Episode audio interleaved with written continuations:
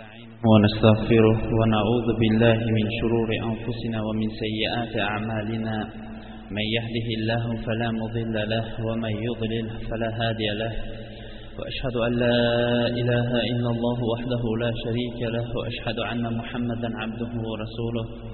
ثم عما بعد السلام عليكم ورحمة الله وبركاته. Navbatdagi suhbatimizni boshlashdan avval odatdagiday biz alloh subhanava taoloning go'zal ismlari va oliy sifatlari bilan ushbu majlisimizni muborakli majlislardan qilishligini va tarqalishimizda alloh subhanava taoloning ilm halaqalarini qidirib yuruvchi farishtalari bizlarga qarata ey allohning bandalari sizlar endi o'rninglardan turaveringlar vaholanki sizlarning endi gunohinglar kechirilindi degan majlislardan qilishingni so'rab suhbatimizni boshlaymiz. Alloh subhanahu va taologa beadad hamdlar bo'lsin. Imom zahabiy rahimaullohning kitabul kabair gunohi kabiralar deb atalmish kitobining oxirgi gunohi kabirasiga bugun kelib to'xtaymiz. Bugun yetmishinchi gunohi kabira ya'ni imom zahabiy rahimaulloh tartiblagan tartibi bo'yicha yetmishinchi gunohi kabira sabbu ashabi nabiy sollallohu alayhi vasallam ya'ni rasululloh sollallohu alayhi vasallamning biron bir sahobalarini haqoratlashlik yoyinki so'kishlik gunohi kabirasi haqida. Allohga beadad hamdlar bo'lsin. Mana salkam bir yil mobaynida biz boshlagan kitobni agarchi orada ba'zi bir gunohi kabiralarni bu xalqning hozirgi holatiga bayon qilishlikni munosib deb topmaganligimiz uchun tashlab ketgan bo'lsak ham lekin kitobning aksarini mana o'qib bitirdik. Alloh nasib etsa keyingi jumada bu gunohlarga bo'ladigan tavba haqida mavzu suhbat yuritamiz. Ana undan keyin inshaalloh bu yerda ko'pchilikning talabiga muvofiq bu shariflarga beshta farz ya'ni alloh taoloning o'zigagina ibodat qilishlik namoz zakot ro'za haj mana bu amallar yozilmaganligi va ko'pchilik bu amallarni tark qilganlar gunoh kabirasida bo'lmaganligi uchun ularning talabiga qarab turib inshaalloh mana shu beshta amalni beshta yoki undan ko'proq jumada takrorlaymiz. Ana undan keyin inshaalloh alloh nasib etsa bir iymon haqidagi iymon ustunlariga inshaalloh to'xtash niyatimiz yo'q emas.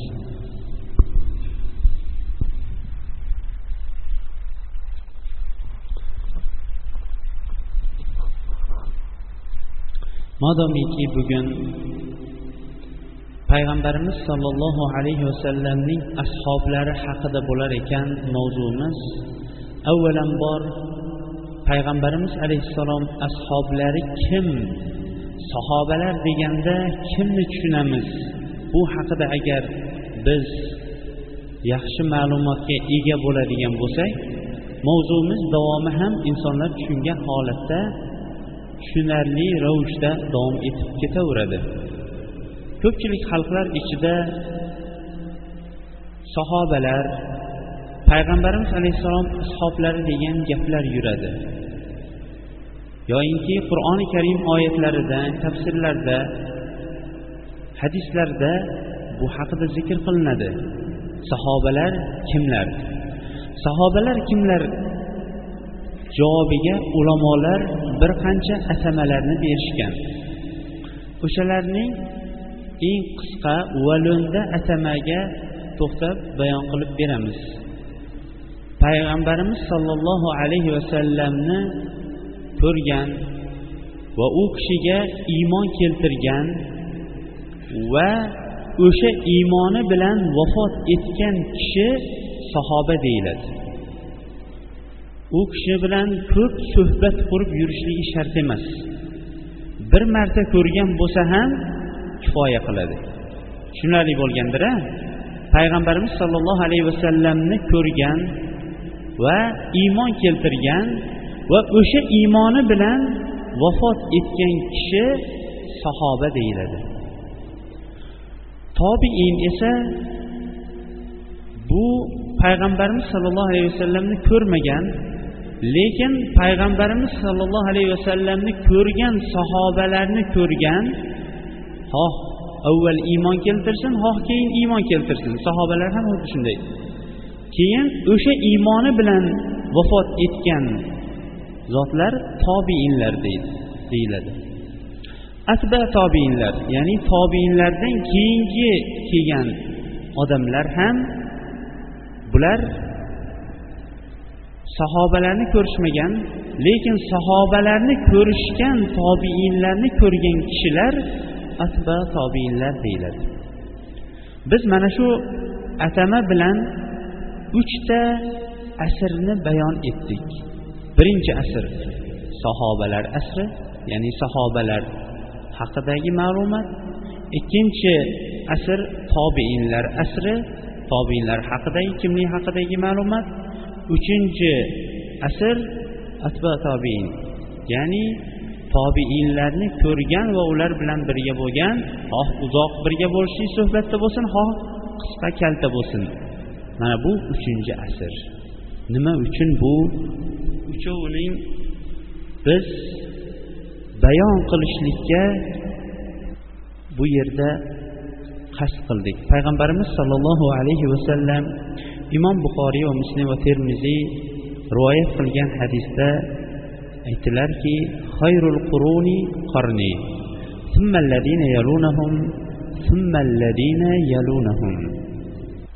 asrlarning eng yaxshisi mening asrim dedilar payg'ambarimiz alayhissalom. Demak yer yuzi bo'yicha bu o'tib kelayotgan tarix karvonidagi eng yaxshi karvon bu payg'ambarimiz sollallohu alayhi vasallam boshqarib kelgan karvondir. Va bu karvonga ergashganlarning karvonidir. Bu karvonni boshqargan payg'ambarimiz alayhissalom bo'lsa karvonning orqasidagilar sahobalar. Undan keyingi yaxshi odamlar ulardan keyin kelganlari dedi. Ulardan keyin kelganlardan murod tobiinlar edi. Ana ulardan undan keyingi yaxshi asr atbo tobiinlar ya'ni tobiinlar bilan hamsuhbat bo'lgan tobiinlarga ergashgan odamlar dedilar. Biz bu mavzuni bayon qilib berishdan asosiy murod musulmonlar o'zlariniki hayoti uchun oladigan manba bor. Bu manba masdar buloq qur'oni karim keyin payg'ambarimiz alayhissalomning hadislari keyin sahobalarning amallari keyin tobiinlarning amallari. Ana undan keyin ham agar shu tepada zikr qilinganlardan biron biri topilmay qolsa atbo tobiinlar tobiinlarga ergashganlarning asrlaridir. Bular haqiqatdan ham ularga ergashishlikka ular haqida gapirishlikka ularga taqlid qilishlikka qo'yingki ular bilan faxrlanib ular bilan yashashlikka ularning ismlari bilan nomlanishlikka haqli bo'lgan zotlar mana bulardir. Bu karvonning eng oldida turgan karvon ichidagi odamlar bular sahobalardir. Shuning uchun ham bugun mavzuimiz sahobalar haqida bo'ladi. Sahobalarning ham darajalari har xildir. Uni inshaalloh suhbatimizni mobaynida bayon qilib o'tamiz. Ibn masud roziyallohu anhu imom ahmad o'zini musnadida mavqufan va isnaduhu sahih bo'lib rivoyat qilgan mana bu asarda abdulloh ibn masud roziyallohu anhu shunday degan ekan إن الله نظر في قلوب العباد فوجد قلب محمد صلى الله عليه وسلم خير قلوب العباد alloh subhanahu va taolo bandalarining qalblariga bir qaradi bandalarining qalblari ichida muhammad sollallohu alayhi vasallamning qalbini eng pokiza va yaxshi qalb deb topdi. Va uni o'zi uchun tanladi. Ya'ni elchiligini payg'ambarligini ado qilishligi uchun va payg'ambar qilib jo'natdi. So'ngra yana bandalarining qalblariga qaradi. فوجد قلوب أصحابه خير قلوب العباد فجعلهم وزراء نبيه so'ngra bandalarining qalbiga qarab ashob sahobalarning qalblarini nihoyatda yaxshi holatda topdi va bu sahobalarni o'zining jo'natgan payg'ambari sollallohu alayhi vasallam uchun vazir o'rinbosar qildi degan ekanlar darhaqiqat alloh subhanahu va taolo shunchalik keng qudrat va marhamatga ega bo'lgan zotki agar biz sahoba bo'lishlikka haqli zot bo'lganimizda edi bizlarni o'sha asrda yaratishlikka haqli yaratishlikka qodir edi alloh subhanava taolo. Lekin biz u zotga sahoba bo'lishlikka yaramaganligimizni bilgan alloh subhanava taolo u zotga haqli bo'lgan sahobalarni o'sha asrda yaratib berdi. Shuning uchun ham biz aytamizki bugun sahobalar kimlar?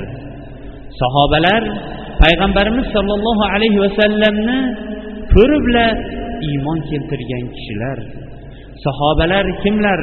Sahobalar hamma yer yuzi payg'ambarimiz sollallohu alayhi vasallam olib kelgan dinga qarshi bo'lib turgan vaqtida bu dinni qabul qilganlar sahobalar sahobalar kimlar? Payg'ambarimiz sollallohu alayhi vasallamga yetayotgan aziyat kim bu kishi olib kelgan dinga dinni qabul qiladigan bo'lsa u kishiga ham yetadigan aziyatni ko'targan kishilar sahobalar. Sahobalar kimlar? Sahobalar oxiratni o'zlariga lozim tutib dunyoni taloq qilgan kishilar sahobalar. Sahobalar kimlar? Sahobalar dinni yetkazishlik mashaqqatida qorinlariga ochlikdan bittadan tosh bog'lab olib ochligiga o'zini ovutib yurgan odamlar sahobalar. Sahobalar kimlar? O'zlarining mollariyu jonlarini tashlab olloh va rasuli uchun hijrat qilganlar sahobalar. Sahobalar kimlar? O'zlariga muhojir bo'lib kelgan odamlarni qalbini balki uyning to'rini va qalbini ochib turib kutib olgan odamlar o'sha sahobalar. Sahobalar kimlar?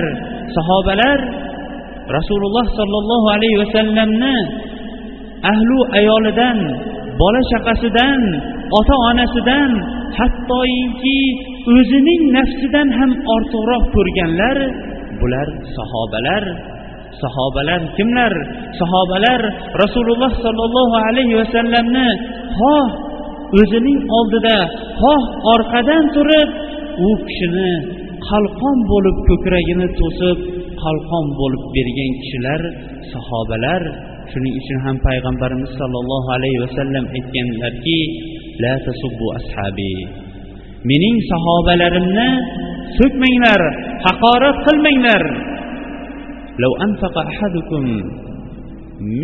ذهبا مثل عهد ما أنفق مثله ولا نسيفه agar sizlarning birontangiz uhud tog'ichalik tillani infoq qiladigan bo'lsangiz ularning bir hovuch qilgan infoqini yoki uning yarmini ham qila olmaysizlar degan. Sahobalar kimlar? Sahobalar butun hayotlarini din bilan o'tkazgan odamlar. Sahobalar kimlar? Sahobalar bir masjidning o'zida musulmon bo'lib bozorda ko'chada boshqa odam bo'lgan emas hayotini o'yini turish yurish hamma tomonini bular din qilgan odamlar sahobalar. Sahobalar kimlar?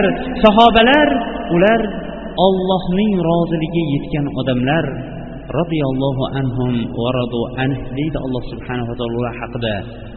Alloh subhanava taolo ulardan rozi bo'ldi va ular ham ollohdan rozi bo'ldi degan. Sahobalar kimlar? Sahobalar payg'ambarimiz sollallohu alayhi vasallam davrida payg'ambarimiz alayhissalom rozi bo'lib turib ulardan o'tib ketgan odamlar. Sahobalar kimlar? Sahobalar payg'ambarimiz sollallohu alayhi vasallam ko'rib turib biron bir amal qiladigan bo'lsa amalini to'g'irlab qo'yib o'tgan odamlar. Sahobalar kimlar? Ular darhaqiqat haq kelgan vaqtida haqni qabul qilgan. va haqga ergashishgan botil kelgan vaqtida bu botil deb turib botilni itarib botildan chetlanishgan odamlar sahobalar kimlar sahobalar olloh maqtagan kishilar alloh subhanava taolo ular haqida aytadiki muhammadur rasululloh والذين معه أشداء على الكفار رحماء بينهم تراهم ركعا سجدا يبتغون فضلا من الله ورضوانا سيماهم في وجوههم من أثر السجود ذلك مثلهم في التوراة يعني محمد صلى الله عليه وسلم allohning elchisidir u kishi bilan birga bo'lgan kishilar kofirlarga nihoyatda qattiq qo'ldir ammo o'zaro bir birlariga rahmdir rahm qilguvchi zotlardir Ularni doim yo sajda qilgan yoinki rukuda turgan holatida ko'rasiz. Ular ular ollohning fazlini va uning roziligini istashib amal qilishadi. Ularning yana alomatlarining bittasi yuzlarida sajdani ko'p qilganliklaridan peshonalarida sajdaning alomatlari bordir bu ularning tavratda kelgan masalidir boshqa o'rinda alloh taolo sahobalarni maqtab turib والسابقون الأولون من المهاجرين والأنصار والذين اتبعوهم بإحسان رضي الله عنهم ورضوا عنه وعد لهم جنات تجري من تحتها الأنهار خالدين فيها أبدا ذلك الفوز العظيم ya'ni muhojir va ansorlardan iborat yaxshilikka peshqadam bo'lib avval shoshilgan sahobalar va ulardan keyin kelib yaxshilikka ergashib ularga ergashgan kishilar roziyallohu anhum olloh ulardan rozi bo'ldi va ular ham ollohdan rozi bo'ldi. Olloh ularga tagidan anhorlar oqib turadigan jannat emas jannatlarni va'da berdi. Ular o'sha jannatda abadiy qolajakdir bu esa nihoyatda katta yutuqdir. Darhaqiqat sahobalar kimlar desak ayta olamizki sahobalar o'zlarining hayotlik davrida o'zlari jannatiy ekanligidan xabar topgan odamlar bular sahobalardir. Sahobalar kimlar? Sahobalar olloh ulardan rozi bo'lgan va rozi qilgan zotlar sahobalardir. Demak sahobalarning manzilati shunchalik katta buyuk bo'lar ekan albatta bu bobda mo'min kishining ham ularga tutgan muomalasida o'rni bo'lishligi kerak. Biz shu o'rinda eslatib o'taylikki har bir mas'alada insonlar uch toifaga bo'linishgan. Takror aytamiz insonlar har bir mas'alada uch toifaga bo'linishgan.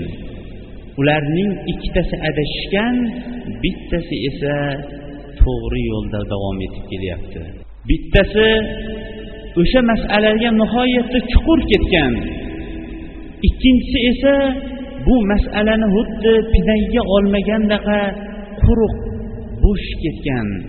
Uchinchisi esa chuqur ham ketmagan bo'sh ham olmaganlar bular va o'rta me'yorda olib borayotganlar bular to'g'ri yo'lda ketayotganlari. Buni hozir sahobalarga ulardan keyingi kelgan odamlarning qilgan muomalasi haqida bayon qilganimizda bu uchta toifa darrov bayon bo'lib qoladi. Sahobalarga insonlarning keyingi insonlarning muomalasi har xil bo'ldi. Rofiziylar ya'ni bizni kunda shiyalar deb atalmish toifa sahobalarga bo'lib ham sahobalarning hammasiga emas ahli baytga payg'ambarimiz sollallohu alayhi vasallamning ahliga nihoyatda chuqur ketishdi. Har bir amalda chuqur ketishlik insonni adashtirib qo'yadiganga o'xshash alloh subhanava taolo bularni shu o'rinda adashtirdi. Bular shu o'rinda hatto ali roziyallohu anhuga qilgan chuqurligi shu darajaga bordiki u kishini iloh dedi. Hozirgacha mana hajga avtobusda borgan hoji dodalarimiz eshitib kelgan aliyu valiyulloh deb ular azonni aytishadi. Mana shu bilan ular ollohni qo'yib yoyinki ollohga ali roziyallohu anhuni sherik qilishligi bilan birga bular nafaqat sahobalarga bo'ladigan muomalada balki umumiy bobda aqida bobida bular adashib ketishdi. Ikkinchi toifa sahobalarga nihoyatda yengiltaklik va quruqlik bilan muomala qilgan toifa bular havorijlar ya'ni o'sha vaqtdagi ba'zi bir sahobalar o'rtasidan o'tgan ba'zi bir ishtihodotlarga aralashib ali roziyallohu anhuga qarshi chiqqanlar. Bular mutlaq sahobalarning hammasini yoyinki taqriban hammasini kofirga chiqarishib bular ham adashib ketishdi. Demak o'rtada uchinchi toifa qoldi. Uchinchi toifa qiyomatgacha qoladigan toifa. Bular sahobalarning hammasini bir xil yaxshi ko'radi. Ba'zisini yaxshi ko'rib ba'zisini yomon ko'rmaydi balki hammasini bir xil yaxshi ko'radi. Ularni insonday yaxshi ko'radi. Ularni biz tepada sahobalarning boshqalardan bo'lgan farqlariday yaxshi ko'radi. Va qachon ularning nomini zikr qilishsalar roziyallohu anhu alloh ulardan rozi bo'lsin deb duo ham qilishadi. Mana bu uchinchi toifa haqiqatdan ham bu bobda najot topgan najot topgan toifadir. Hamma masalada insonlar tortishib qolayotgan bugungi kundagi masalalarning hammasiga ham qarang. Insonlar uch turga bo'linishadi. Birinchi turi chuqur ketadi ikkinchi turi mutlaq o'shaning teskarisi bo'ladi uchinchi turi esa uning o'rtasida yuradi. Dinlar ichidagi eng o'rta din islom dinidir. Islom dini ichidagi eng o'rta firqa bu najot topgan firqa ahli sunnat val jamoat.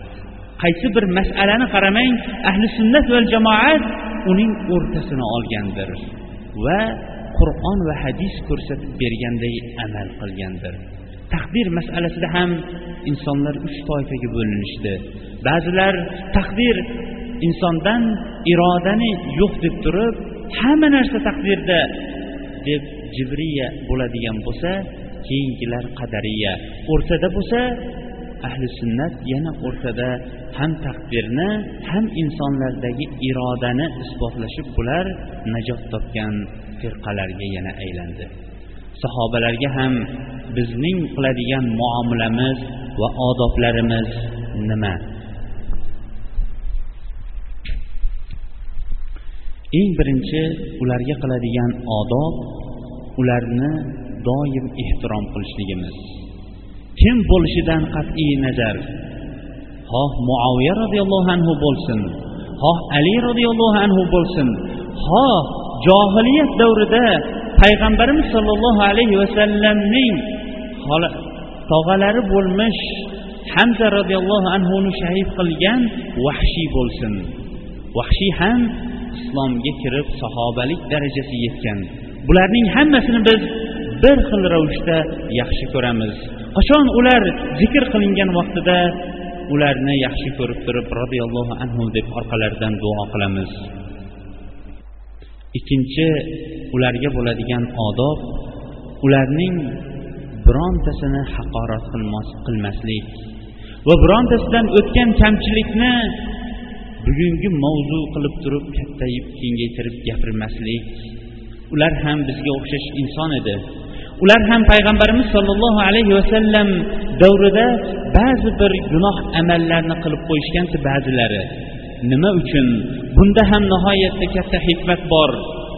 Agar o'sha vaqtlarda gunoh qilinmaganida edi bizga gunoh qilingan o'rinda qanday amal qilinishlik kerak ekanligi bizga belgilab berilinmas edi bu hadlar. Ularda ham alloh subhanava taolo bu dinni qiyomatgacha bo'ladigan din bo'lishligini iroda qildi. Va qiyomatga yaqin bizlarga o'xshash savob amalimizdan ko'ra gunoh amalimiz ko'p bo'lib qoladigan bo'lsa qanday qilib bu gunohlarimizni tavba bilan qanday qilib yuvib olish yo'llarini o'rgatishlik uchun ham o'sha vaqtdagi nihoyatda pokiza qalbli ba'zi bir sahobalarning gunoh qilib qo'yishlikka ular gunoh qilib qo'yishdi shu bilan to qiyomatgacha o'sha gunohni qilib qo'ygan odam qanday qilib oxiratdan avval dunyoning o'zida qutulib qolishlik yo'lini ham o'rgatib ketishdi bizlarga payg'ambarimiz sollallohu alayhi vasallam la tasubbu ashabi falau أن أحدا أنفق مثل أحد ذهبا ما بلغ مد أحدهم ولا نصيفه dedilar so'kishlik bobida. Ya'ni mening ashoblarimning birontasini so'kmanglar haqoratlamanglar. Agar sizlarning birontangiz uhud tog'ichalik katta miqdordagi oltinni infoq qilganida ham ularning bir hovuch qilgan sadaqasi bir hovuch emas nasifa uning yarmini qilgan sadaqasining savobiga ham yeta olmasdi degan ekanlar alloh subhanahu va taolo لا يستوي منكم من أنفق من قبل الفتح وقاتل أولئك أعظم درجة من الذين أنفقوا من بعد وقاتلوا makka fath qilinishidan avval deydi alloh subhanava taolo payg'ambarimiz alayhissalom bilan mujohada qilgan va ko'p infoq qilgan zotlar bilan fathdan keyin mujohada qilib infoq qilgan zotlar barobar bo'la olmaydi deydi. Vaholanki ikkovlari ham sahoba ikkov vaqt ham fathdan avval iymon keltirganlar ham sahoba fathdan keyin ham iymon keltirganlar sahoba. Lekin biz hali tepada ishora qilganimizdaqa sahobalar orasida ham qancha farqlar bo'lgan? Demak o'sha vaqtdagi sahobalarning darajalari turlicha bo'lar ekan. Biz bilan endi sahobalar orasida qanchalik daraja bor ekan? Biz allohga qasam ichib aytamizki agarki kechalari turib namozda kunduzlari turib ro'zada va infoqda bo'lgan bo'lsak ham ular qilgan amallarida ular qilgan amallarning changiga ham arzimaymiz. Xo'sh payg'ambarimiz sollallohu alayhi vasallamning ashoblarini so'kkanlar haqida ulamolar nihoyatda qattiq gapirishgan. Imom azam rahmatulloh alayhning shogirdlari bo'lmish abu yusuf abu bakrni so'kkan kishi nima bo'ladi deganda kofir bo'ladi degan ekanlar. shunda aytibdiki shunday odamning agar vafot etadigan bo'lsa orqasidan janoza namozini o'qib yuramizmi desa yo'q janoza namozi bunaqa odamga o'qilinmaydi debdi قيل وكيف يصنع به وهو يقول لا إله إلا الله يا imom siz shunaqa deyapsiz vaholanki bunday odam la ilaha illalloh deb tursa hammi desa aytgan ekanlarki لا تمسحوه بأيديكم ادفعوه بالحشب حتى تواريه في حفرته qo'linglar bilan ham bunday odamni ushlab o'tirmanglar o'lganidan keyin bitta o'tinni olib turib yog'ochni olib turib uni o'zi yotadigan tashlanadigan o'sha chuqurlikka olib borib o'tin bilan ko'tarib olib borib yog'och bilan tashlab yuboringlar degan ekan bu muhammad ibn yusufdan bo'lgan bu rivoyat asarul maslul ala shatimir rasul shayxul islomning kitoblarida zikr qilgan. Mazhabimiz imomi bo'lmish abu hanifa rahimaulloh sahobalar haqida gapirgan ba'zi bir gaplarni ham olib kelishligimiz kerakki chunki imom azam rahmatulloh alayh sahobalarni shunchalik yaxshi ko'rib payg'ambarimiz alayhissalom va u kishi qilgan amallarni shunchalik qilganidan keyin imom azam rahmatulloh alayh degandaqa manzilatga yetishining asosiy sababi u kishi payg'ambarimiz alayhissalomga ergashganligi va sahobalarga ergashganligidir. Biz fiqul akbar fiqul absar va boshqa kitoblardan jamlangan imom azam rahmatulloh alayhning sahobalar haqidagi ba'zi bir gaplariga to'xtab o'tamiz قال الإمام أبو حنيفة لا نذكر أحدا من أصحاب الرسول صلى الله عليه وسلم إلا بخير degan ekanlar ya'ni payg'ambarimiz sollallohu alayhi vasallamning ashoblarining hammasini faqat yaxshilik bilangina zikr qilamiz مقام أحدهم مع رسول الله صلى الله عليه وسلم ساعة واحدة خير من عمل أحدنا جميع عمره وإن طال ularning ya'ni sahobalarning rasululloh sollallohu alayhi vasallam bilan birga bir soat turishligi bizning agarchi umrimiz uzoq bo'lsa ham umrimizning oxirigacha qilgan amalimizdan yaxshi amaldir. Ularning payg'ambarimiz alayhissalom bilan bir soat turgani degan ekanlar. va aytgan ekanlarki afdalun nasi ba'da rasululloh sollallohu alayhi vasallam abu bakr va umar va usman va ali ثم نكف عن جميع أصحاب رسول الله صلى الله عليه وسلم إلا بذكر جميل payg'ambarimiz sollallohu alayhi vasallamdan keyingi eng afzal insonlar abu bakr umar usmon va ali roziyallohu anhum undan keyingi sahobalar ham ular haqida biz gapirmaymiz degan ekanlar Ya'ni gapiradigan bo'lsak faqatgina yaxshilik haqida gapiramiz. Albatta sahobalar ichidagi eng afzallari bu jannat bilan bashorat berilingan o'nta sahoba. Shu o'nta sahobaning eng oldida peshvo bo'lib turadigan odamlar bular hali tepada imom azam rahmatullohi alayhi zikr qilgan abu bakr umar usmon va ali roziyallohu anhum ajmain. Bu yerda fuqarolar nihoyatda qattiq sahobalarni so'kkanlar haqidagi fikrlarini ishtihodlarini bildirishgan vaqtimiz keng bo'lmaganligi uchun ularning ba'zilarigagina to'xtadik xolos. Uchinchi ular bilan bo'ladigan muomala bu ularning orasidan o'tib qolgan biron bir husumat yoki biron bir kelishmovchilik bo'ladigan bo'lsa bunga to'xtamaslikdir. To'rtinchi sahobalar bilan bo'ladigan muomala ular zikr qilingan vaqtda doim roziyallohu anhu deyishlik yoki roziyallohu anhu deyishlik. Xoh sahoba erkaklar bo'lsin xoh sahobiya ayollar bo'lsin. Tobiinlar atto tobiinlar va bugungi bizni hayotimizdan o'tayotgan mo'min kishilarga bo'lgan tarahhum bu rahimahumulloh deyishlik yo rahimahulloh deyishlik.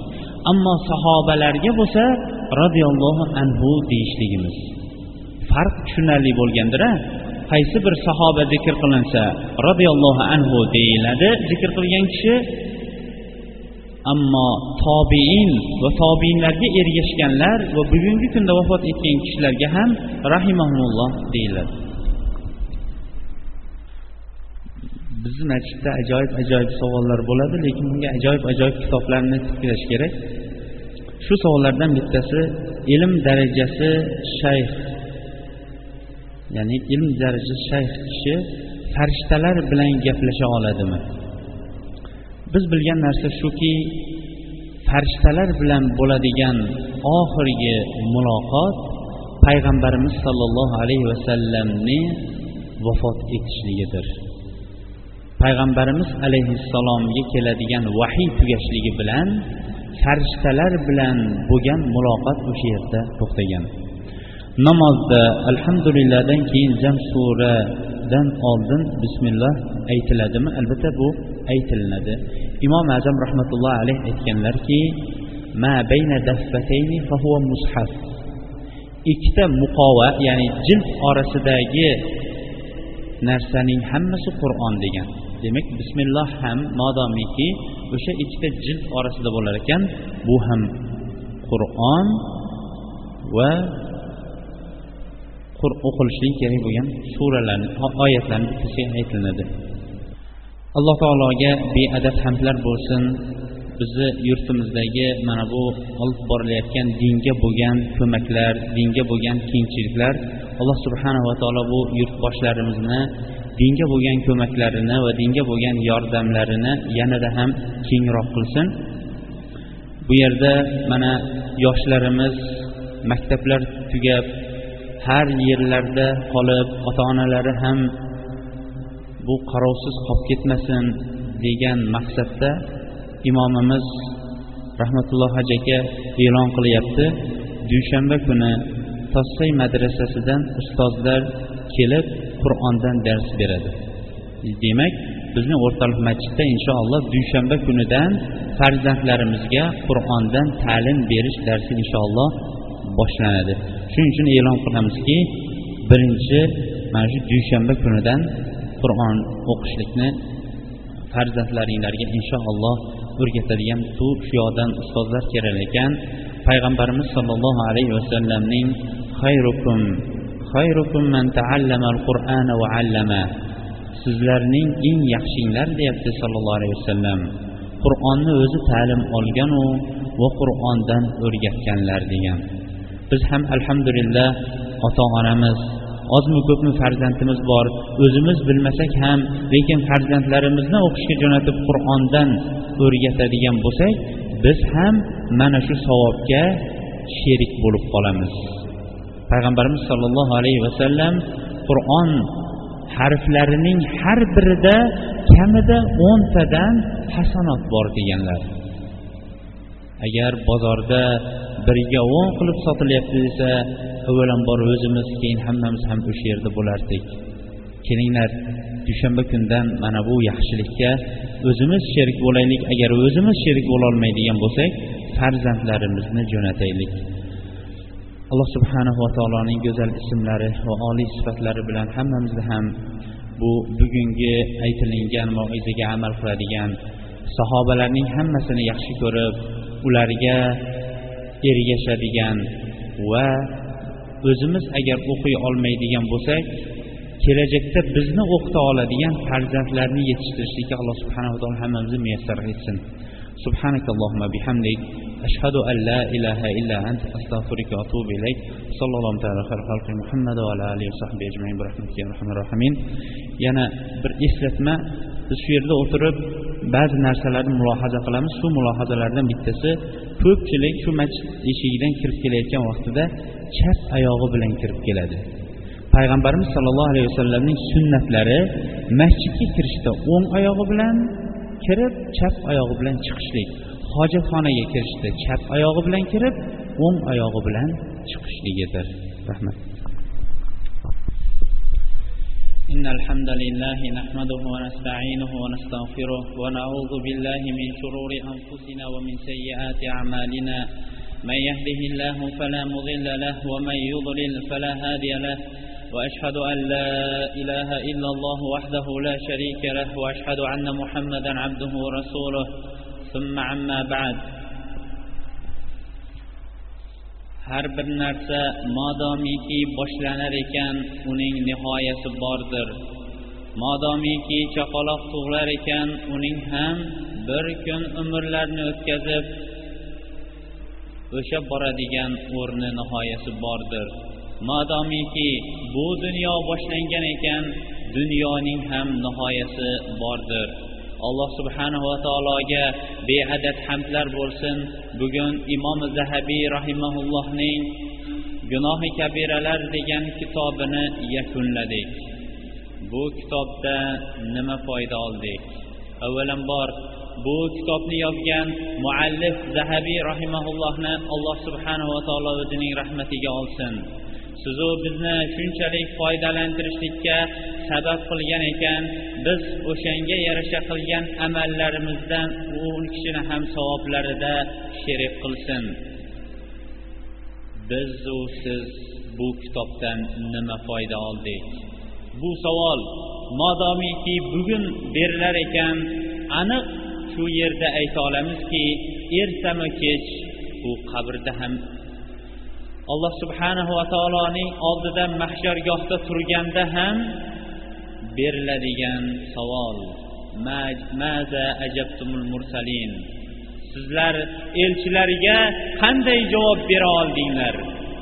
Madomiki bu yerdagi elchilar payg'ambarlar qasd qilinsa ham lekin payg'ambarlardan keyin kelgan sahobalar tobeinlar asbo tobeinlar ana undan keyin ahli ilmlar va bilibmi bilmay ba'zi bir ahkomlarni yetkazgan odamlar. Elchilarga nima javob bera oldingiz? Masjidga kelgan odamlar ham bir necha qismga bo'linishadi. Ularning ba'zilari o'sha masjid yaqin bo'lganligi uchun kirishsalar ba'zilari o'sha joyda yaxshi maviza bo'ladi deb kirishadi. Ba'zilari esa o'sha yerda aytilayotgan ma'ruza yaxshi va unga amal qila olaylik va qilishlikka harakat qilishadi. Har birimiz ham o'zimizga o'zimiz endi bir savol berib ko'raylik. Tepada zikr qilingan yetmishta gunohi kabira. Lekin biz yetmishta gunohi kabiraning hammasiga ham to'xtay olmadik. Mana bu gunohi kabiralar zikr qilingan vaqtda bizning o'rnimiz nima bo'ldi? Biz bu o'rinda qaysi o'rinda ekanmiz? Haqni haq deb bilib haqqa ergashganlar qatoridami yoyinki botilni botil deb undan chetkazilganlar yoinki botil bilan haqni aralashtirib qo'yganlar qatoridamizmi ko'pchilikka bu gaplar aytilingan vaqtida o'zlarining uzrlarini ayta boshlashadi. Ba'zilarining uzrlari zamon qiyin ba'zilarining uzrlari ish ko'p ba'zilarining uzrlari bola chaqa qiyin boqishlik. Vaholanki ish ko'p bo'lishligi payg'ambarimiz alayhissalom davrichalik ish ko'p emas. Bola chaqa deyishlik payg'ambarimiz alayhissalomning ashoblarichalik bola chaqamiz ko'p emas. Zamon alhamdulillah masjidlar avvalgidan kun sarin ko'payib bormoqda. Alhamdulillah bu targ'ibot vositalari sizu bizga mana bunday ovoz yetkazish yetkazgich asbob bilan ollohning kalomi va rasululloh sollallohu alayhi vasallamning sunnatini yetkazib turganga o'xshash yetkazib turilyapti. Endigi savol ularga javob bo'lgan amal qani? Payg'ambarimiz sollallohu alayhi vasallamga hammamizga ham ma'lumki nozil bo'lgan qur'on yigirma uch yil mobaynidan nozil bo'lgan. Nima uchun? Asta sekin tushgan oyatlar amalda namoyish etilib amalda bajarilgandan keyin keyingi oyatlar tusha boshlagan. Va qalblar bunga taskin topganidan keyin keyingi hukmlar tusha boshlagan. Biz bir o'tirganda bir qancha hadislarni o'qib yuboryapmiz bir qancha oyatlarni tilovat qilyapmiz. Qani amal? Oysha roziyallohu anhaning oldiga doim o'zining jiyani kelib bir kelganda besh oltita savolni so'rab ertasiga yana shu holat takrorlanardi shunda jiyanini to'xtatib ey jiyan siz kecha so'ragan narsalaringizga amal qildingizmi? degansi yo'q. Agar amal qila olmaydigan bo'lsang amal qila olgan bo'lsangiz borib amal qiling. Ana undan keyin kelib so'rang degan ekanlar. Chunki payg'ambarimiz sollallohu alayhi vasallam al qur'anu hujjatun laka va alayka deganlar. Qur'on qiyomat kunida yo sizning foydangizga hujjat bo'ladi yoyinki sizning zararingizga hujjat bo'ladi. Tepada zikr qilingan gunohi kabiralarga kim gunohi kabira ekanda bu masjidda ko'chada bu boshqa masala? deydigan bo'lsa aytilingan moizalarning hammasi qiyomat kunida bu kishining ziyoniga hujjat bo'ladi.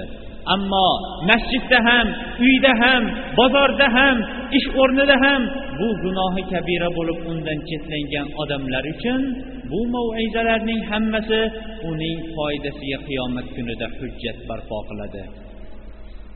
Payg'ambarimiz sollallohu alayhi vasallam bu amallarni xuddi bir yaxshi amal bo'ladigan bo'lsa chiroyli yigit bo'lib kelishligini yomon amal bo'ladigan bo'lsa xuddi dunyoda biz yuzi nihoyatda xunuk qabih bo'lgan ustidagi bo'yi ham badbo'y bo'lgan odamdan qo'rqqanimizga va undan qochganimizga o'xshash qiyomat kunida ham qochishligimizni xabar bergan. Qachon solih amallarimiz ko'payar ekan. Bu solih amallarimiz qiyomat kunida bizda chiroyli yigit suratida keladi. Yomon gunoh amallarimiz esa ma'siyatlar nihoyatda bo'yi badbo'y hidi badbo'y surati esa xunuk holatda keladi. Boshqalar tugul o'zimiz birinchi ulardan qochamiz. Shuning uchun ham shu maqomda shu soatda turib avvalambor o'zimga ana undan keyin sizlarga qiladigan vasiyatimiz tepada zikr qilinganlarga tepada zikr qilingan olloh va rasulining kalomlariga amal qilishlikni vasiyat qilamiz. Darhaqiqat biz ularning ba'zilariga amal qila oldik va ba'zilariga amal qila olmadik. Mana bu soatda mana bu makonda alloh subhanava taolodan ko'p istig'foru mag'firatu tavbalar talab qilaylik.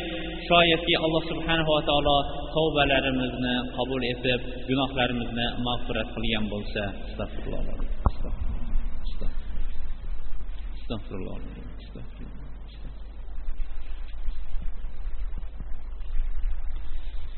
الحمد لله والصلاة والسلام على رسول الله وعلى آله وصحبه ومن اهتدى بهديه إلى يوم الدين إنسان solih amal va yaxshi amal qilishligi uchun va yomon amallardan chetlanishligi uchun uning atrofidagi odamlari ham yashayotgan jamiyati ham unga katta ta'sir ko'rsatadi shuning uchun ham qur'oni karimda alloh subhanahu va taolo bu holatni bizlarga namoyon etib haqga chaqirganlar sabrga chaqirganlar va bir birlarini sabrda vasiyat qilganlargina najot topadi deyapti.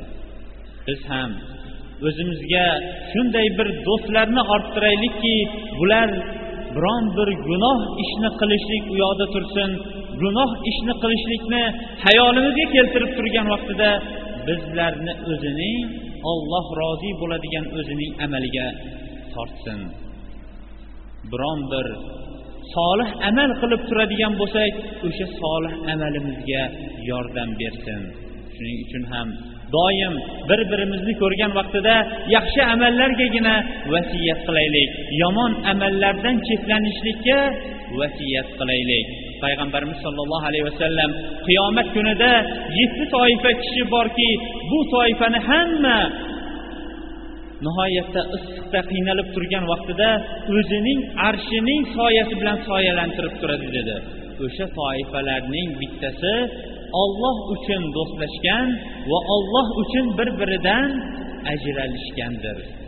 Demak bizlar ham olloh uchun solih amallarda do'stlashib olloh uchun g'azablanib olloh uchun bir birimiz bilan muhabbatlashib olloh uchun bir birimizdan ajralishligimiz ham mana shu yetti toifaning bittasiga olib kirib qo'yishligi mumkindir.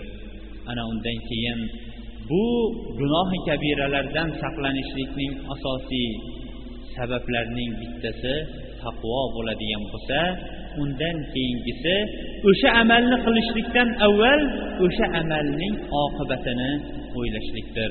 Alloh subhanahu va taoloning payg'ambari sollallohu alayhi vasallamga bu makonda va bu soatda ko'p salotu salomlar aytaylik. Payg'ambarimiz sollallohu alayhi vasallam man solla alayya vahidatan sollallohu alayhi ashron dedilar.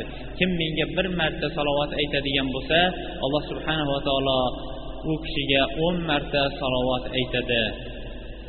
Bo'lib ham juma kunida u kishiga ko'proq salovatlar aytishlikka ma'mur bo'lganmiz.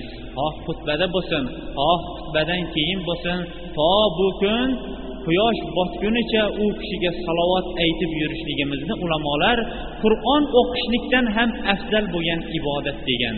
اللهم صل على محمد وعلى آل محمد كما صليت على إبراهيم وعلى آل إبراهيم إنك حميد مجيد. اللهم بارك على محمد وعلى آل محمد كما باركت على إبراهيم وعلى آل إبراهيم إنك حميد مجيد. اللهم أرنا الحق حقا وارزقنا اتباعه وأرنا الباطل باطلا وارزقنا اجتنابه. اللهم يا مقلب القلوب ثبت قلوبنا على دينك. اللهم يا مصرف القلوب صرف قلوبنا على طاعتك. اللهم جنبنا المحن والفتن اللهم جنبنا الفتن والمحن. اللهم جنبنا الفتن والمحن. اللهم إنا نسألك رضاك. اللهم إنا نسألك رضاك. والعمل الذي يقربنا إلى رضاك. ربنا لا تزغ قلوبنا بعد إذ هديتنا وهب لنا من لدنك رحمة. إنك أنت الوهاب. وصلى الله تعالى خير خلق محمد وعلى آله وصحبه أجمعين برحمتك يا أرحم الراحمين.